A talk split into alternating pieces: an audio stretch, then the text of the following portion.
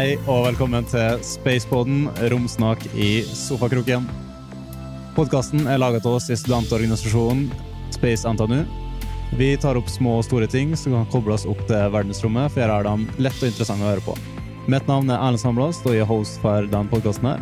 Med meg i panelet har jeg Alexia Guse. Hei, hei. Og vår faste deltaker, Eivind Hegseth. Hallo, hallo. Gjesten vår i dag det er Moine Tameli. Hei, hei. Du er co-CEO og co-founder i Intention. Intention er en ny og ambisiøs teknologibedrift som fokuserer på å gjøre menneske-maskin-interaksjon bedre med hjelp av avansert software og sensorikk som tolker brukerintensjon, altså intention, intention capture. De ønsker at maskinen skal forstå brukeren, og ikke at brukeren må forstå seg på maskinen. Intention har fokus på bl.a. X-er, romdrakter, bygg- og anleggsbransjen og musikkproduksjon. Et eksempel er Astronaut Smart Globe, som kan styre en drone til bruk på Mars. Det var et tett samarbeid med Mars Institute, Collins Aerospace og NASA Houston Mars Project. Moina og i NIFROs arbeidsgruppe for næringens ambisjoner og anbefaling for Norges romsatsing 2021-2030.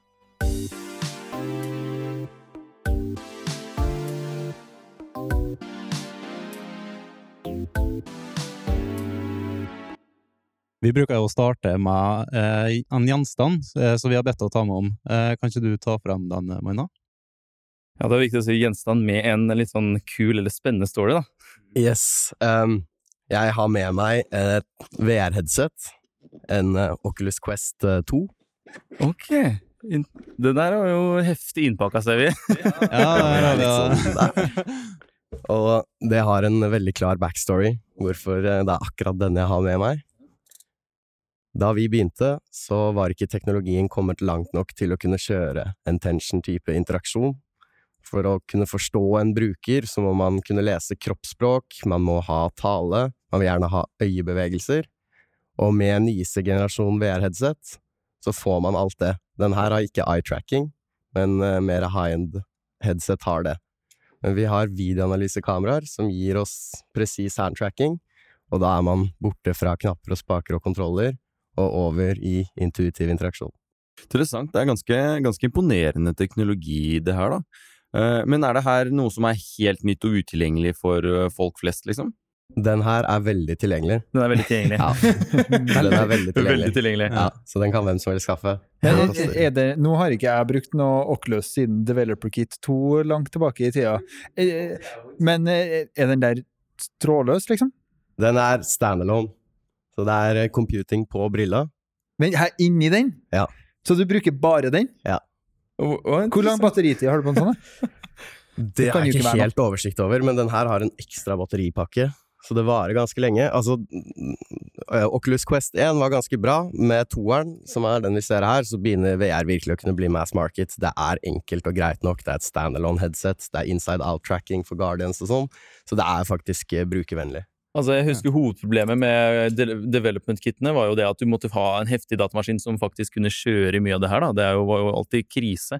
Så jeg, jeg, hadde jo ikke det, da, så jeg fikk jo i gave denne development-kittet 2.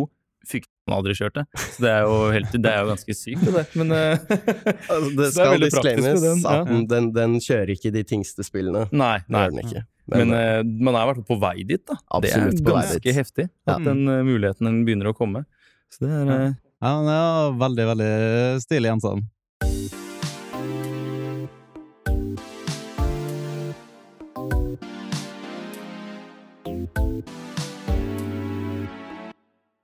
Eh, Maina, kan ikke du fortelle litt om uh, oppstartsfasen i Intention?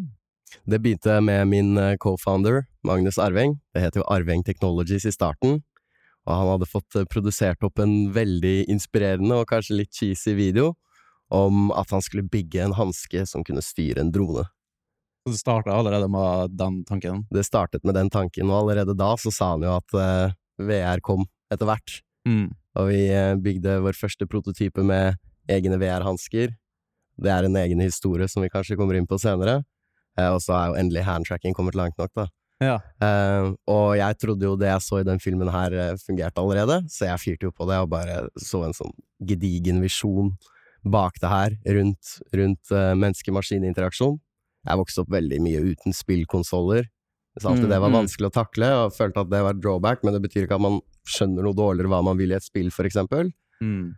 Uh, og, og verden er moden for det neste steget med interaksjon. da. Var dere en eh, gruppe fra før, eller var det at du møtte han og så starta dere derfra? Var det da dere møttes, liksom? Ja, han hadde et par måneder på baken, hadde hatt seg en veldig spennende tur til Kina, og før han dro så hadde vi møttes og begynt å prate om det her.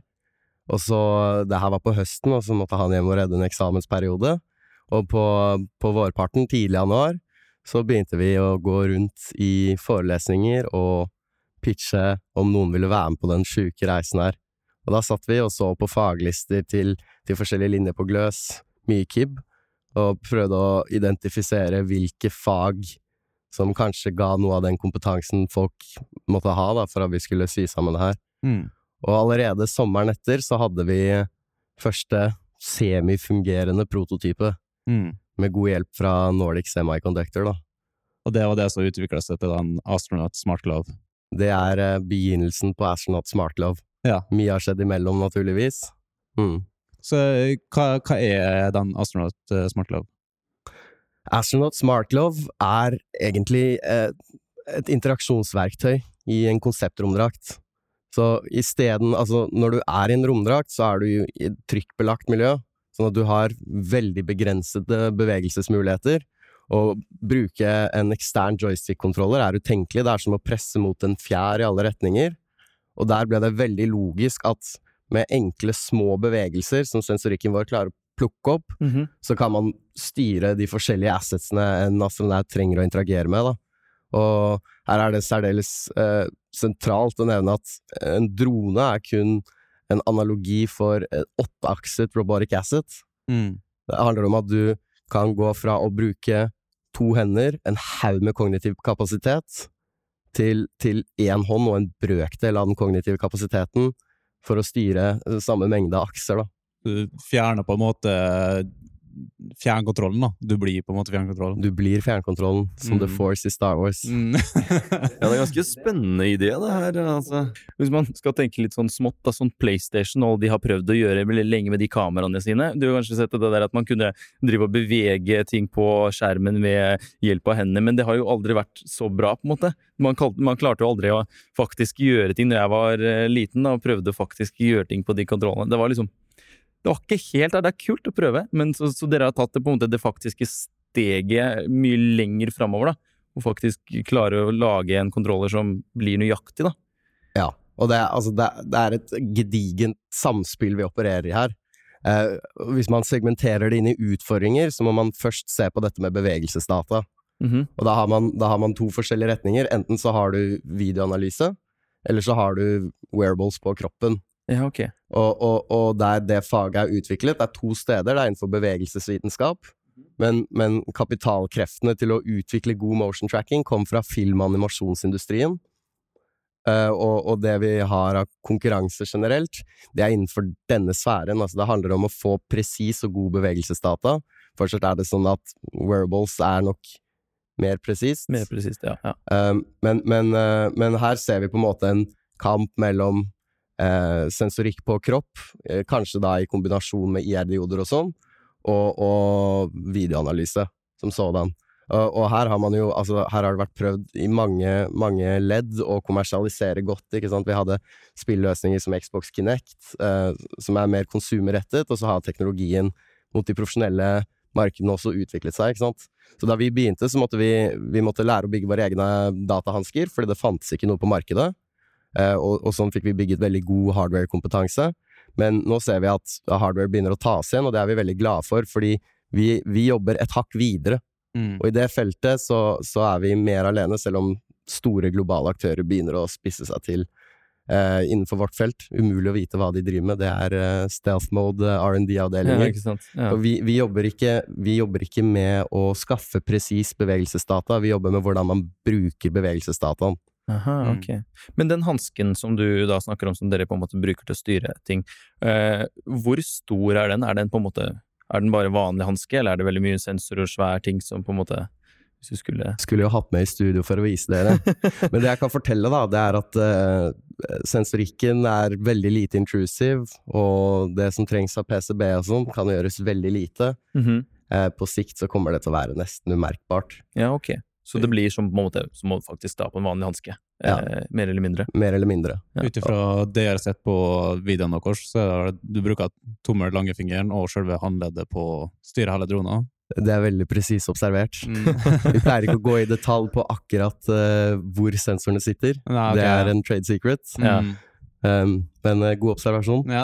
Men, det, Så- ja, ok. ja, okay. Ja. Men sånn omtrent, er det liksom Hvis du liksom øh, Storskala, skulle du sagt. Er det gyroskopet liksom som styrer den, eller er det Hvordan, hvordan er det liksom dere Det er, eh, det, er, det er en kombinasjon av mye forskjellig Mye sensorikk. forskjellig, ja, okay. Gyroskop er en del av det, er det en kan jeg si. Ja. ja, men det er kult altså, det, at det faktisk er mulig å begynne faktisk å gjøre det der. Ja. Så det, er, er det sånn at du Jobber dere også med en output tilbake til personen på et vis? Sånn at interaksjonen blir enda mer fluent, sånn at kroppen lærer seg det mer? Ja, det er, eh, det er inne i fagkjernen av det vi driver med. Ja, for jeg skulle til å si, du, altså, øynene kan jo lære en viss del av ok, husk på hvordan ting funker, men hvis du får en eller annen haptic eller noe feedback på en annen måte, men dere jobber med det jo på en måte, da.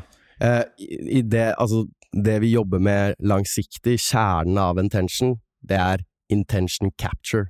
Mm, Og i intention capture så er man jo også avhengig av kontekst. Og da blir det jo feed forward, feed backward loops. Ja. Og man kan bruke de veldig intelligent for å faktisk trekke ut brukerintensjon uten at det blir for komplekst, da. Riktig. Ok. Ja, men det, det er interessant at det faktisk øh, At igjen, da, som jeg sa, at det faktisk er mulig. At vi har kommet til det punktet hvor det faktisk Jeg begynner å tenke den Developer Kit 2 som jeg brukte Ja. før. Jeg trodde jo det var sånn nettopp, og jeg så jo på en Ja. framtid hvor sånne ting var mulig. At det ikke bare var det du hadde på øyet, men liksom den interaksjonen da, mellom det du ønsker å gjøre, og det du holder på med eh, digitalt. Det er liksom det, det alle de mellomleddene, altså tastaturene vi bruker, alle konsollene som har forskjellige spaker, altså alle de tingene du må lære deg. da. Mm. Men det å faktisk bare koble seg rett inn, du blir så mye mer immersed i det du gjør, og du får gjort ting så mye fortere. Og det er jo råkult at det Ja, det har kommet sykt. såpass langt. Jeg blir jo veldig Jeg får gåsehud og blir veldig glad dere umiddelbart fatter hva vi driver med. Det har jo vært en utfordring i mange år, og det er jo krevende å kommunisere selv. Mm. Eh, på et punkt så må man faktisk eh, inn og definere terminologi selv. Ja, Og så er det ekstremt mye research som må gjøres i å faktisk eh, ha oversikt over all forskning som er gjort innenfor feltet globalt, Ja, ja. og, og ikke finne opp hjulet på nytt, men bygge er videre, og etablere seg som, som en ledende faglig aktør på dette. Men vi, vi har jo sett at NASA har jo interessert seg, eller de har jo samarbeidet med dere, eller mm, hvorfor tror du NASA er interessert i noe sånt? Altså hva er det som ligger til grunn for Vår eh, geni-CTO Håkon, Håkon, -hmm. han, eh, han sa det veldig pent. Altså, det er en teori om at eh, hvis noe er teknisk mulig, eh, som, en, som en følge av at flere forskjellige komponenter og teknologier detter på plass, så vil eh, garantert flere på forskjellige steder tenker på den samme tingen. Sånn at da vi begynte å jobbe med NASA-partnere, det er viktig å nevne i og med at vi er en norsk eh, entity, så var det veldig gøy fordi vi brått fant et fagmiljø med folk som snakket samme språk som oss i forhold til interaksjon. da. Ja, for du snakka om det å få meg fra det kompetent, men eh, for vi er jo de fleste er vel kjent med VR, men dere driver med da XR, det er jo mer vidt begrep, så vidt jeg har forstått. Altså VR, VR har jo kommet lengst, Mm. og så vil jo AR følge på, ikke sant, og derav XR. Men det er jo litt sånn eh, Interaksjonsmessig så er det mye av den samme grunnforskningen og utviklingen som må gjøres. Mm. Det som er veldig praktisk med VR, er at man vet alt om kontekst. Sånn at, sånn at uh, hvis, hvis man ser på noe, for eksempel, så, så, så har man kontroll på hele universet og vet akkurat hva brukeren Mm. ser på. Og det, det kan forenkle en del interaksjon. Og XR, det var extended eh, reality. Ja, Samlebegrepet. Mm. Ok, så det er flere Ja, riktig. Så Mm. vi er, bare for, for de lytterne som eventuelt da ikke helt eh, henger med, for eksempel, så vi er da, da kun brillene. Da får du kun sett det virtuelle. AR, da er det på en måte både virkeligheten og brillene, og XR var Alt. Blandingen. alt Mm, sammen. Ja, ja. ja, det ok. det. Extended reality, ikke Ja, så det Mm. blir en sånn samlebetegnelse der. Mm. Så hvis NASA skulle brukt det, her, så hadde de hatt på en måte både briller og styremåten og Eller den hansken og alt sånt. Er det det på en måte for en astronaut, eventuelt? Kan ikke gå så veldig mye i detalj, annet enn at jeg, jeg kan si at vi gleder oss veldig til å vise fram eh, neste generasjon Astronaut Smart Glove.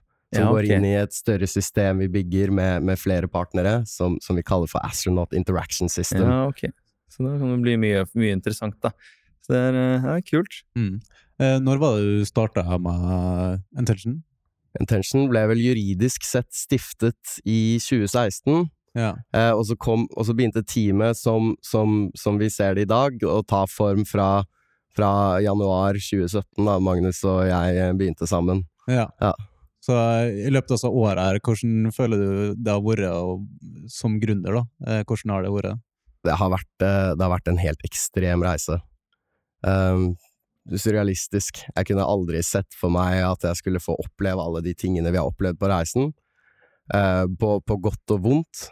Eh, det har jo blitt totalt altoppslukende. For meg personlig var det umulig å kombinere med studier til slutt. Eh, og, mm. og, man skjønner definitivt på imposter syndrome fra tid til annen når man brått menger seg med de mest spennende menneskene innen forskjellige industrier på globalt plan, og havner opp i geopolitiske kniper eh, til tider, og eh, enormt komplekst terreng å navigere. En kombinasjon mellom en haug med fagfelt. Mm. Eh, og, og, og, ikke minst det, altså De første årene var på mange måter en sånn verdensturné, vil jeg litt kalle det. Altså, det handlet om å prøve å kommunisere hva vi skulle gjøre, og så bygge et solid team som faktisk er i stand til å gjøre det her. Og finne det som finnes av fagmiljø rundt på kloden, da. Uh, og nå er vi over i en litt ny fase, som også er en omstilling for meg, som er spennende, hvor, hvor det er mer å, å, få på skylappene og gjøre den utviklingsjobben som skal gjøres. Mm. Uh, mye tung forskning og utvikling, det har det vært hele veien.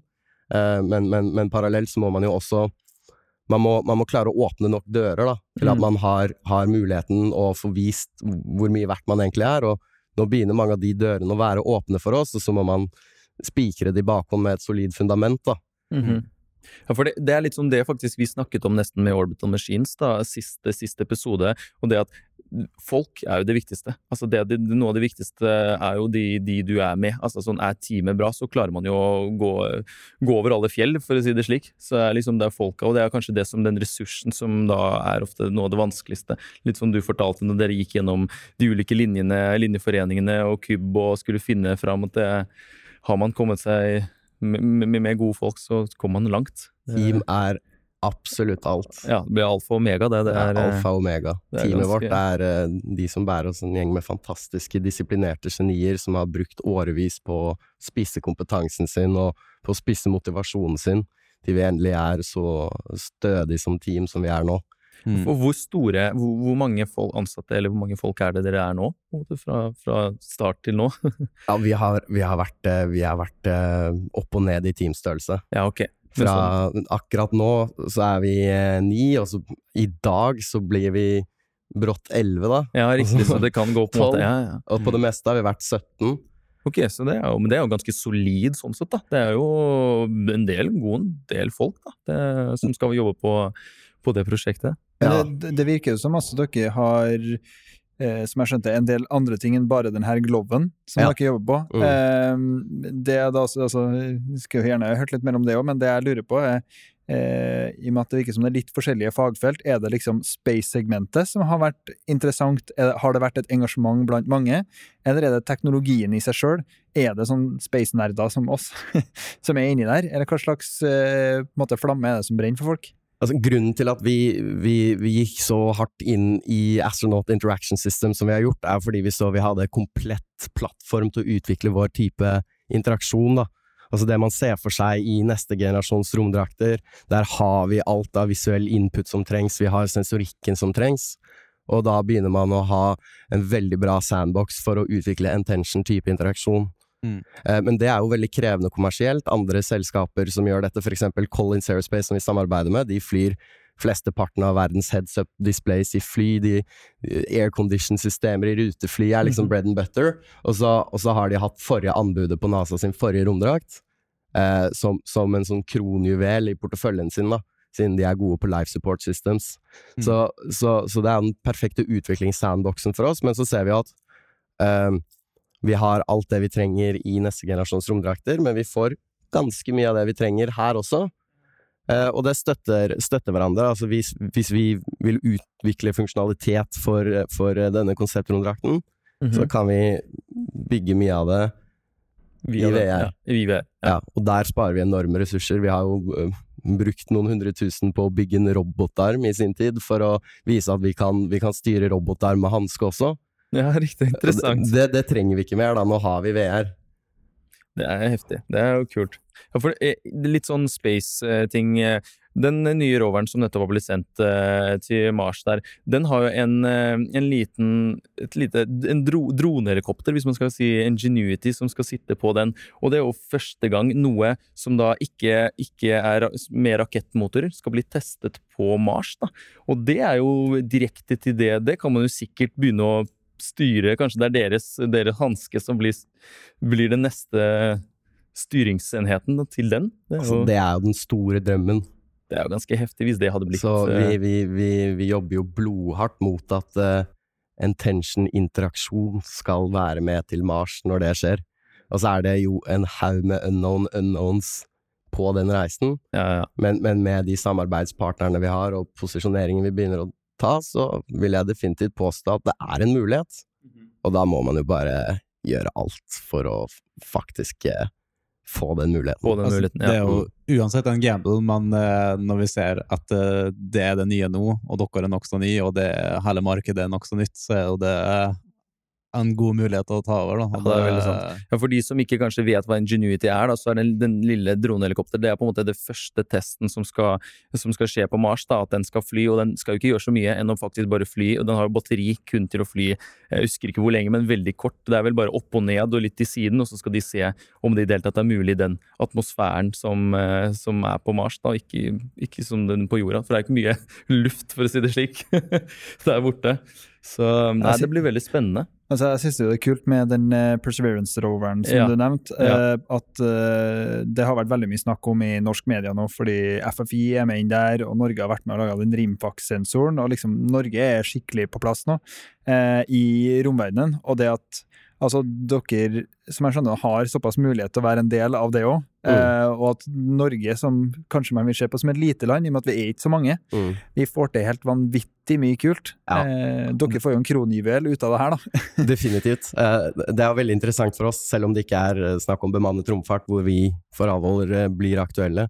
Men det som er eh, fint med å være i Norge, det er jo som at vi er ett lag som spiller sammen om Ja. å skape Mm. norske muligheter. Og vi har kjempegode venner og samarbeidspartnere i Norsk Romsenter som vi er veldig takknemlige for, og de er altså, til tider som en del av teamet, da, som hjelper oss med de, de titalls årene de har av erfaring innenfor romfartsindustrien og innenfor det byråkratiet man jobber med, for å få ting til å skje innenfor space, da. Og så kommer jo New Space inn fra siden, og der er det jo, altså, vi titter over til USA, og utrolig mye spennende som skjer. Eh, så det er komplekst terreng å navigere. Ja, det er veldig sant. Så det er, veld, det er veldig flott at Norge liksom holder sammen. Og vi merker jo det vi i Space Interview også, at det er på en måte eh, Med en gang vi på en måte startet den spaceboden her, så er det, det er jo på en måte så mange i Norge man egentlig kan begynne å prate med. Altså Mm. sånn, Det er jo så mange som egentlig, egentlig prøver, men, men det å samle sammen, det er det som er det viktige. Det er det, det er det, det er veldig kult det nevner med sånn som er Norsk Romsenter og sånn, da, og hvordan alle spiller på lag. Mm. Fordi sånn som i Orbit, der jeg er sjøl, da, vi Mm. bygger jo satellitter, så legger vi merke til at eh, hele bransjen, de er der, og de heier på deg. De hjelper til, de støtter opp når du spør. Fordi alle er sånn Det her gjør vi sammen. Vi Mm, kommer fremover sammen, og vi får til denne romturen Mm. i lag. Mm. Eh, det er oss i Norge. Vi bryr oss ikke om du er konkurrent eller om du holder på med samme, altså hva det er, fordi vi er sammen, vi vokser. Og det er så Ja, det er utrolig utrolig kult å se. Ja, veldig vakkert med space. Altså, det treffer dypere følelser i oss enn enn ren kommersialitet. Da, så mm, man, alle man jobber med, er villige til å strekke seg litt lenger.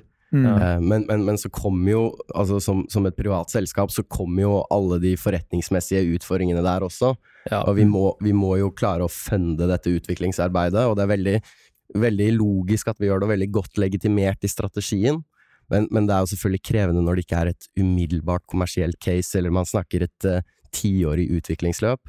Mm. Så der, der jobber vi så bredt vi kan. Nå ser vi ut til å lande et forskningsprosjekt sammen med IFA Halden og, eh, og eh, ESA, altså European Astronaut Center i, i Köln. Så vi håper at det går gjennom, og det er med hjelp fra Norsk Romsenter og tidligere med hjelp fra, fra ESA-BIC. Ja.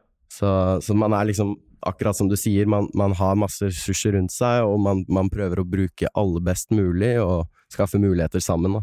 Mm. Plutselig så kommer jo disse studentprosjektene som er en del av, en del av Space Interview, vil jo Altså, Propulse sender opp raketten, Ascend lager dronen, og Orbit uh, har lagd uh, selve or satellitten som er i bane, og så vil jo Intention med den, den hansken styre dronen. Det, altså, da, da, ligger Norge bra an, tenker jeg. Da, da snakker vi gode planer. ja. Da er det gode planer her, altså. Jeg liker visjonen.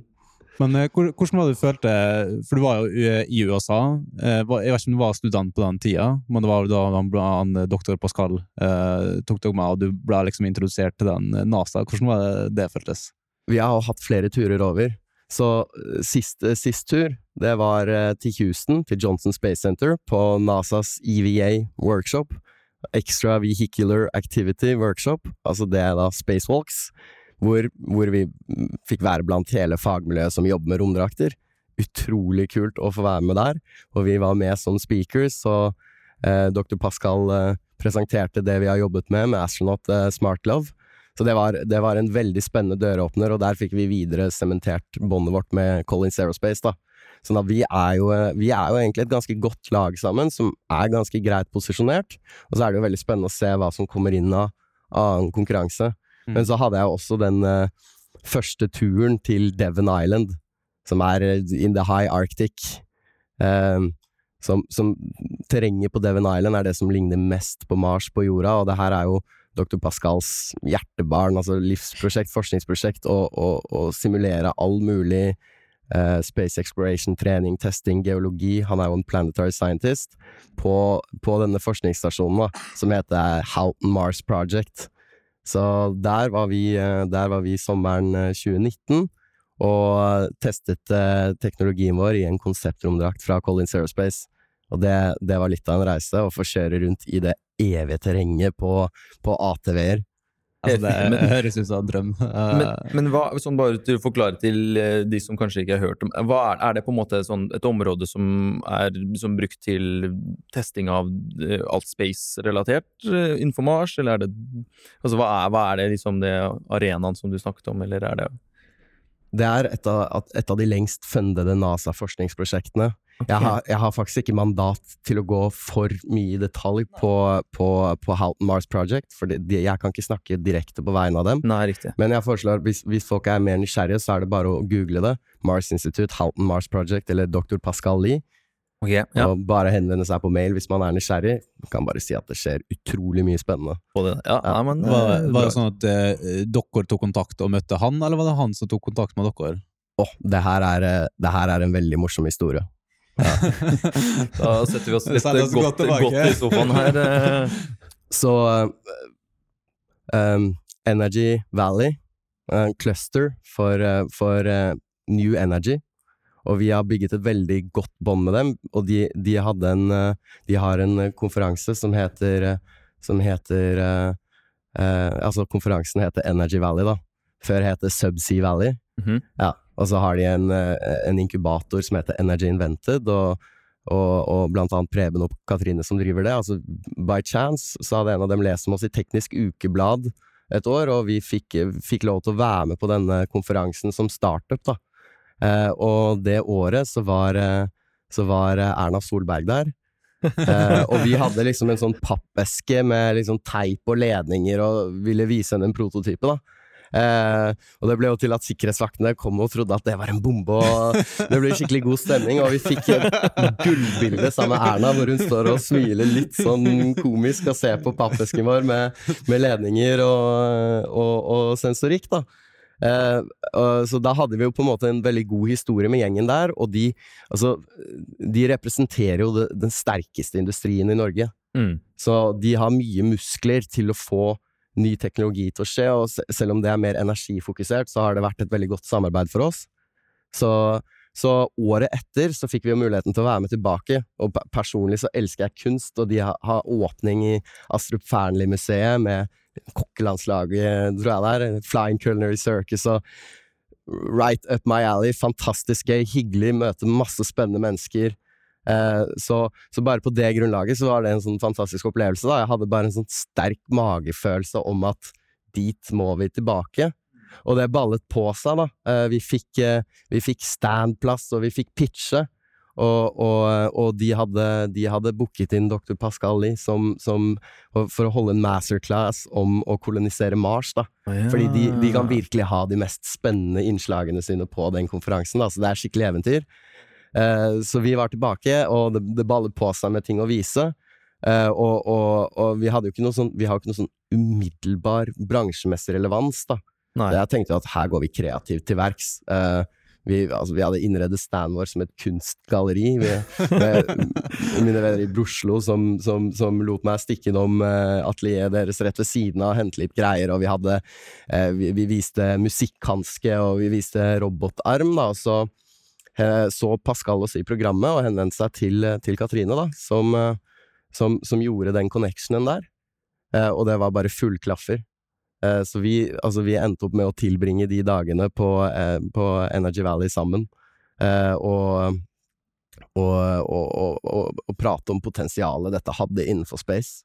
Det er jo, høres ut som en nydelig, altså sånn, det er jo perfekt historie. Det er, det er, jo akkurat som alle vil at det skal gå. Da. Det, ja, det var alles drøm, for å si det slik. Men så blir det jo krevende, da. Ja. Fordi da har vi Altså, det her er, det her er liksom midt utpå vårparten. Mm -hmm. Og så skal vi, vi skal til Devon Island og teste eh, på sensommeren. Mm -hmm. Vi har ikke fundingen på stell. Vi har bare verdens sjukeste mulighet. Teamet og jeg må hoppe på LA-tid for å begynne å eh, strukturere dette arbeidet og, og, og, vite at vi kommer i mål her. Eh, og vi bare gunner på. Og, og, og, vi har ikke fundingen med plass helt, helt før liksom, dager før vi skal reise. Da. Og hva, hva tenkte du da? Liksom? Hvordan, hvordan, er den følelsen at du på en måte, det er et sykt øh, prosjekt deres foran deg? Så... Altså, det er jo det som er med den gründerreisen her. Da. Altså, man bare glemmer alt annet. Ikke sant? Når man har en sånn mulighet, man er liksom villig til å gå i graven for at det skal for skje. Det, skal gå. Ikke sant? Det, er bare, det er ikke noe alternativ. da. Uh, og, uh, og, og da driver man seg selv veldig langt. Men, men, etter mange år så lærer man jo at sånn er det hele tiden. Ja, riktig. man, man, er der hele tiden, og så, så, så, blir det tøft og tungt etter hvert, altså. Ja, for det blir, det, blir mye, det blir, mye, hvis man alltid skal være, skal være på 100 Jeg har jo levd på sånn fight or flight-modus siden vi startet, og nå er jeg liksom jobber med å gjenoppfinne meg selv, da. Ja, for det blir sånn evig adrenalinrush som man nesten bor på og lever på. Akkurat. Er, eh, akkurat. Ja. Men jeg lurer på Dere eh, altså dere har vært med på um, Med tanke på romdrakten eh, og få sensorhansker inn der. Mm. Eh, du sier at det var noe av det kuleste du har vært med på, å forme ut og jobbe med folk. Mm. Det jeg lurer på, er hadde du ville ha stukket til månen eller Mars og brukt den sjøl? Definitivt. Uten tvil. ok, det var så enkelt, ja. det var så enkelt. Det var så bra. Jeg vet ikke, Det fins kanskje argumenter for å ikke ville gjøre det, men eh, hvis, hvis jeg hadde fått den muligheten, så mm. tror jeg ikke jeg hadde takket nei. Altså. Men, men, fikk du selv være i den, eh, i den, drakten og styre den, eller var det Ja, veldig mye. Du gjorde det, ja? Det er ah, fantastisk. Okay. Mm. Utrolig kult. Men er den liksom Den er trykka og alt det der, sånn at du det er vanskelig å bevege seg inn, eller? Ikke, ikke den konseptdrakten, den er ikke Nei. trykkbelagt. Så eh, jeg kan ikke si stort mer enn at uh, trykkbelagt testing av denne tekken kommer, og vi har tatt høyde for det man kan, så, så jeg regner med at det blir en god opplevelse, men sånn eh, i forhold til å bygge ytterligere kredibilitet, så, så, har det veldig mye å si å få gjennomført sånn type testing. Mm. Så, uh, så, jeg gleder meg veldig til vi får gjort det og kan vise at teknologien er like viable sånn en ting, en ting uh, eksperter merker seg, for eksempel hvis man ser filmklippet fra den reisen, da. Uh, det er bare å gå på YouTube og søke 'Astronaut Smart Love', så, så ser man det. Og da ser man at astronauten står med hånda rett ut mm. og, og, flyr. og i en realistisk setting så er jo det veldig tungt i en trykkbelagt drakt. Så kanskje man hadde stått med hånden bare hvilende langs siden og gjort veldig små bevegelser, som nesten ikke synes på kamera. Mm. Eh, men, men, det er veldig teknisk gjennomførbart. Det er ikke vanskelig. Det er ikke der utfordringen ligger. Ja. For det, for det, det visuelt få det fram uh, hva konseptet er. Mm. Mm. mm. Men så, så, den drakten den var bare den, den, var liksom myk og det er lett og bøyelig, men, men samme, eh, omtrentlig samme størrelse som den vanlige drakten? på en måte som hadde... Ja, i hvert fall torsoen er bygget på samme, ja. ja. Ok. Igjen så er vi inne på, inne på områder som jeg veldig har lyst til å snakke mye om, men det er som fort gjort. Det er jeg fort ikke gjort. kan snakke Ja. Nei, da, men, men det, det der er jo mer enn det bra svar. Da. Vi får jo omtrent føle, føle det, du, det du har følt når du var der. Så det er jo Men eh, dere har jo ikke drevet kun romrelaterte prosjekter. Dere er jo innenfor bygg og anlegg og musikkproduksjon. Eh, hvordan eh, får du brukt dem der? Ja, altså vi ser jo det. Altså, vi, vi, vi treffer jo ikke normalt startup-pensum, ikke sant. Eh, problem solution framework, ikke sant. Fordi problemet vi jobber med i forhold til menneske-maskin-interaksjon, det er så bredt. Og det har millioner av kommersielle verdiforslag, og det er ekstremt vanskelig å velge hvor man skal begynne. Men uh, når det kommer til å få et uh, privat selskap på vingene, så er det jo pengene som snakker for seg selv. Så det vi ser er at etter hvert som teknologien begynner å komme langt nok, så har vi flere og flere kommersielle caser som blir lavthengende frukter, da.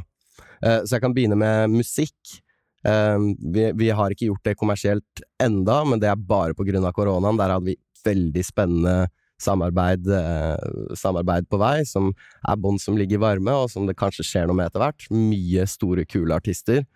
Og, og her er jo poenget at istedenfor å gå fra Altså istedenfor å bruke miksebordlogikken, da, eh, som ikke er intuitiv, vil jeg påstå. En, en lydingeniør vil kanskje påstå at det er det fordi man kan det så godt. Over til lydbildet som noe flytende man kan ta og føle på.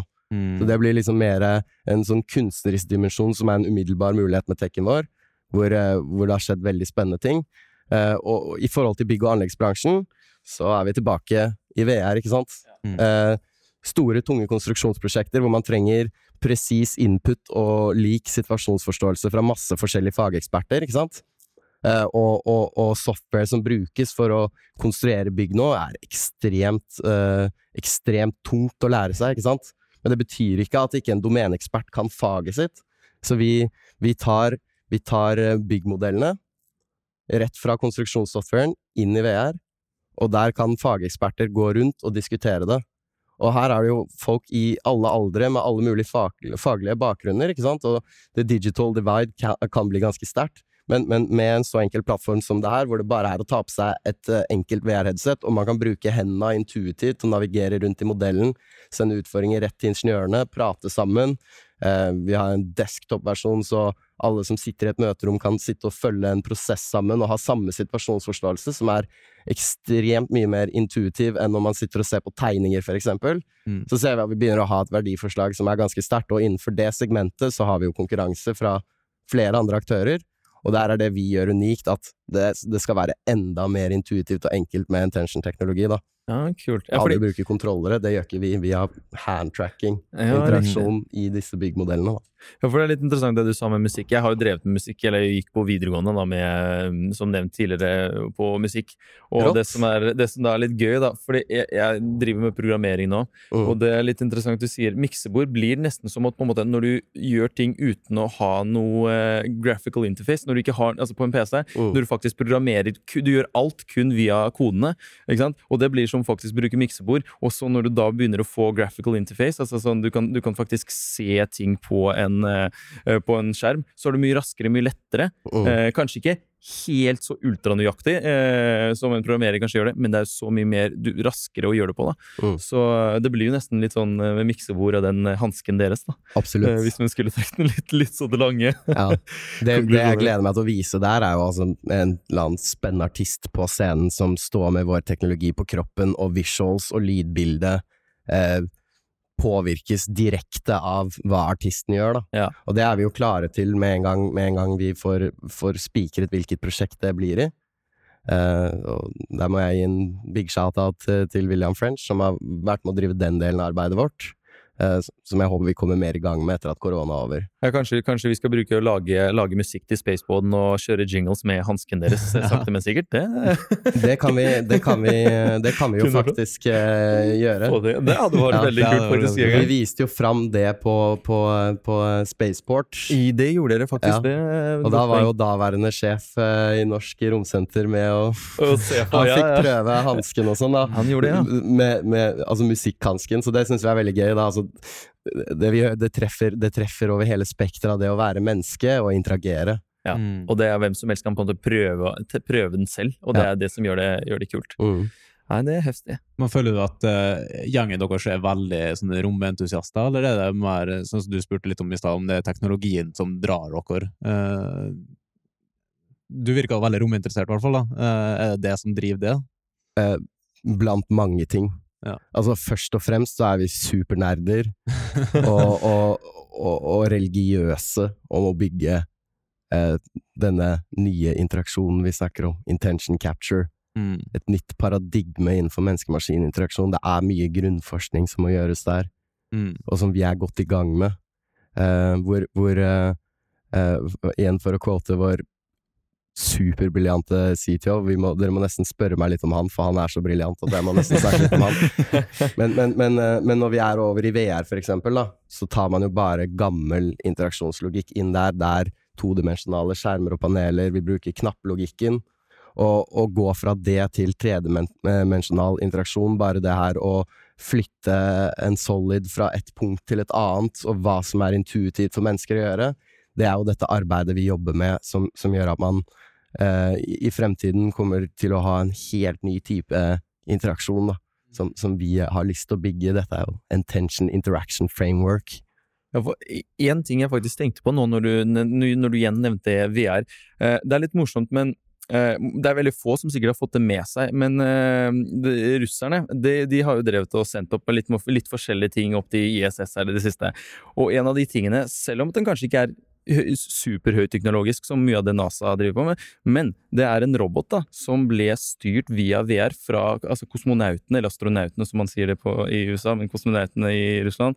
Eh, da hadde de jo den med seg faktisk i, i den vanlige Soyuz-kapselen til ISS, og han ene astronauten da var og styrte eh, denne roboten med VR, og hadde liksom bevegelig, litt sånn hanskeaktig, selvfølgelig ikke sannsynligvis like nøyaktig som det dere hadde, men som, det var på en måte første konsept konseptet deres. da. Og det er ganske tanken bak det er jo de robotene skal kunne på en måte være utafor eh, ISS, altså som kunne gjøre ting i, i IVA, liksom på en måte um, utenpå selve romstasjonen. da. Så der er det jo ikke sant, masse Da trengs teknologien deres veldig, både med VR og disse hanskene. Definitivt, og her har vi også spennende og tøff konkurranse. Altså, Kina og Russland blir sterkere og sterkere i romsektoren. Eh, det er jo spennende å se oppblomstringen av et nytt space race nå. Vilt ja, å følge Emiratene til uh, Ja, de begynner å sende opp litt. Ja, det er veldig sant. Sånn, ja. Så det er jo utrolig mye spennende som skjer her. Jeg tror ikke jeg har kontroll eller oversikt på alt, men det du snakker om der, er jo helt i vår gate, så jeg tenker jo egentlig ja, det er jo helt dette, perfekt. dette må vi hoppe på. Uh, det, er, det, er, delvis i, i gata det forskningsprosjektet vi jobber med å etablere med ESA. Ja, for det er nøyaktig det. For jeg tenker det, det kommer jo til å bli brukt. Altså sånn, det er jo ikke uten videre at de bare randomly nå tester, tester et, et av førsteutkastet den roboten. Da. Mm. Uh, for selvfølgelig på sikt så vil man jo gjerne erstatte det, de stedene der hvor det er veldig farlig for menneskene å gå ut. Da. Og uh, sånne romvandringer da, uh, er jo direkte en mer farlig ting enn å faktisk bare styre en robot innenfra selve ISS-en. Mm. også etter hvert på Mars eller månen, da, så hadde det vært veldig nydelig å hatt, kunne styre disse robotene. Men da er man avhengig av sånn teknologi som dere blant annet utvikler. da. Veldig, det er det som har vært stopperen tidligere, da, at du ikke hadde muligheten. Definitivt, og så er det jo også en sånn balansegang mellom hva som vil bli eh, Hva som blir automatisk, og hva som fortsatt krever menneskelig styring. Så, så, og der er det jo vanskelig å til, trille terning på, på hvor på en måte sjiktet av menneskelig interaksjon forblir, da. Men vi ser jo gjerne det at uh, i på en måte high stake, extreme remote situations, subsea space, så er det mye menneskestyrt, men også veldig tunge sertifiseringsprosesser for å faktisk bevise at det her er like driftsikkert, like presist, faktisk enklere, mer effektivt, ikke sant? Og det, mm. det er jo vi sikre på allerede, men så må man virkelig brette opp ermene og gjøre all den forskningen som skal til for å bevise det også, da.